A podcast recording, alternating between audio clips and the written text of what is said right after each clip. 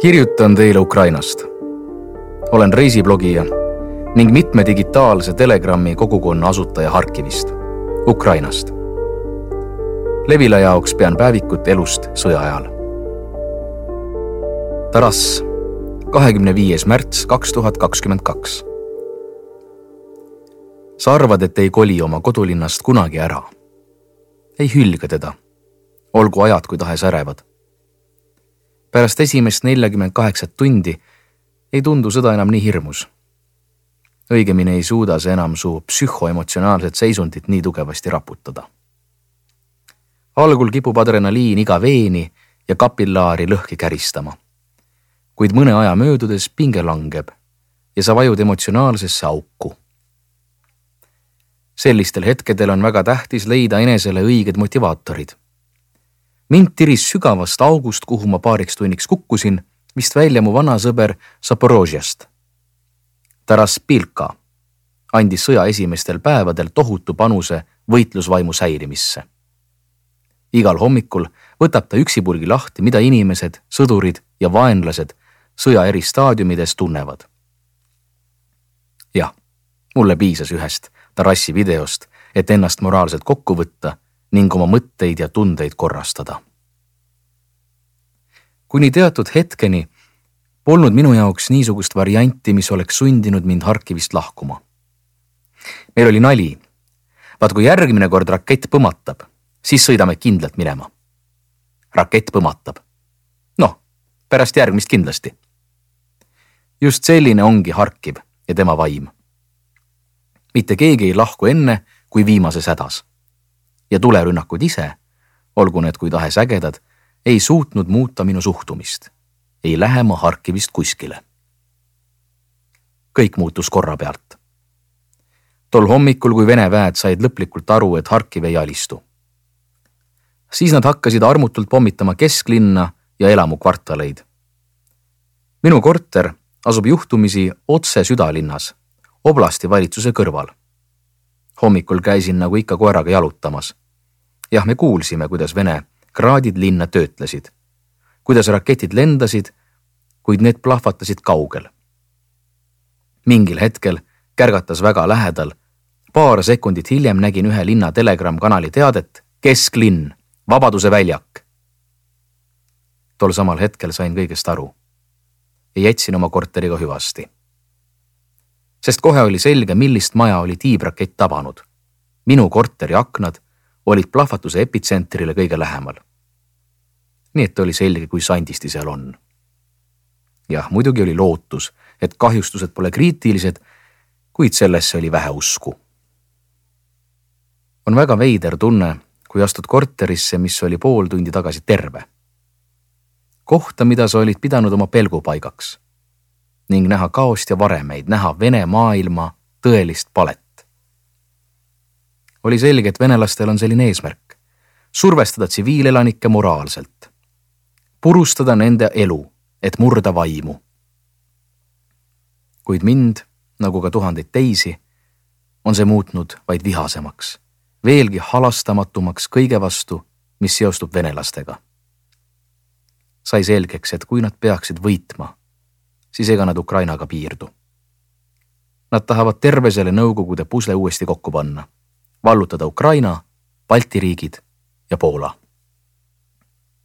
lihtsalt sellepärast, et venelased oma ülbuses peavad ennast Jumala järel esimesteks siin maa peal, arvavad endal olevat õiguse käia teiste riikide ja rahvaste iseseisvusega ringi nii, nagu neil pähe tuleb.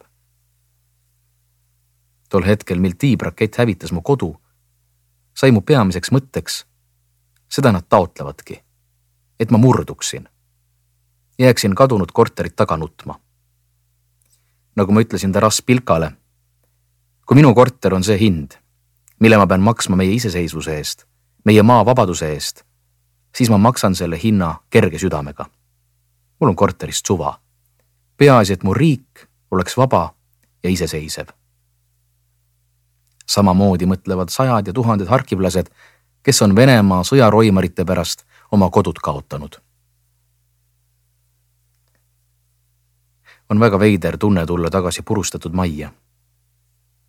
aju tõrgub vastu võtmast raketilöögi katastroofilisi tagajärgi.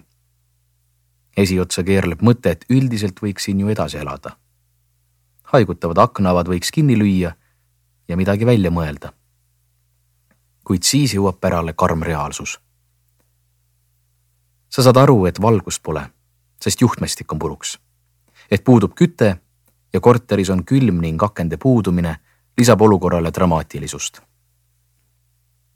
lööklaine oli nii tugev, et pühkis minema tubadevahelised uksed ja hoovipoolsed aknad. tean kindlalt, et kui ma poleks tol hommikul koera jalutanud, siis vaevalt ma praegu seda teksti kirjutaksin. tõenäoliselt oleks mu surnukeha leitud kusagilt klaasi ja pilpahunniku alt. internetist ja teistest tsivilisatsiooni hüvedest ei maksa rääkidagi. Rakett võttis selle kõik hoobilt ära ning hiljem järgnes talle teinegi, mis purustas selle mis oli esimesest löögist veel terveks jäänud.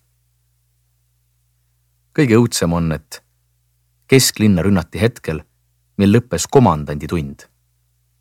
Need raketid lendasid ajal, mil tavalised inimesed käisid koeri pissitamas vee ja toidu järel. venelased teadsid seda, teadsid, et päevaaeg on ainus, mil saab varusid täiendada.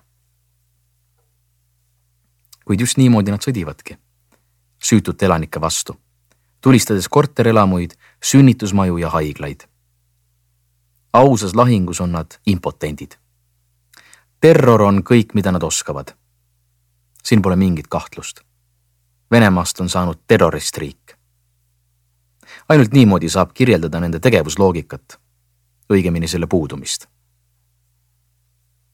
linnale lähenes külmalaine ilmateade lubas kuni kaheksateist miinuskraadi ning oli selge, et korteris, kus pole aknaid, kütet, gaasi ega elektrit, ei ole võimalik kaua tiksuda.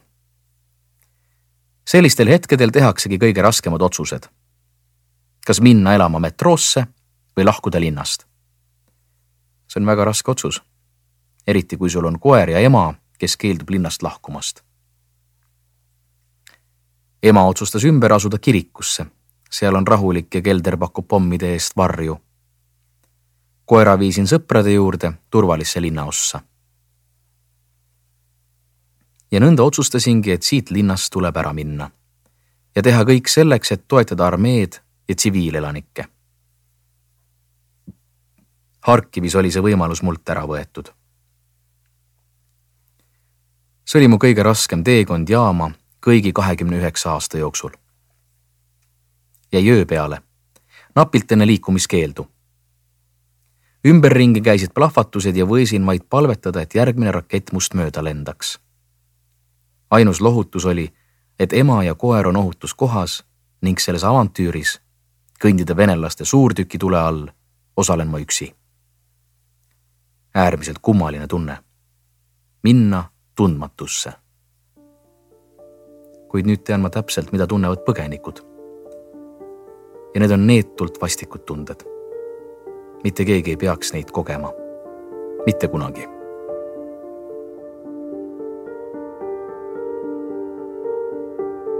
autor Taras Kovaltšuk, tõlkis Veronika Einberg.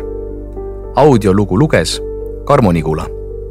salvestus, helikujundus ja originaalmuusika Konstantin Sõbulevski. Levila kaks tuhat kakskümmend kaks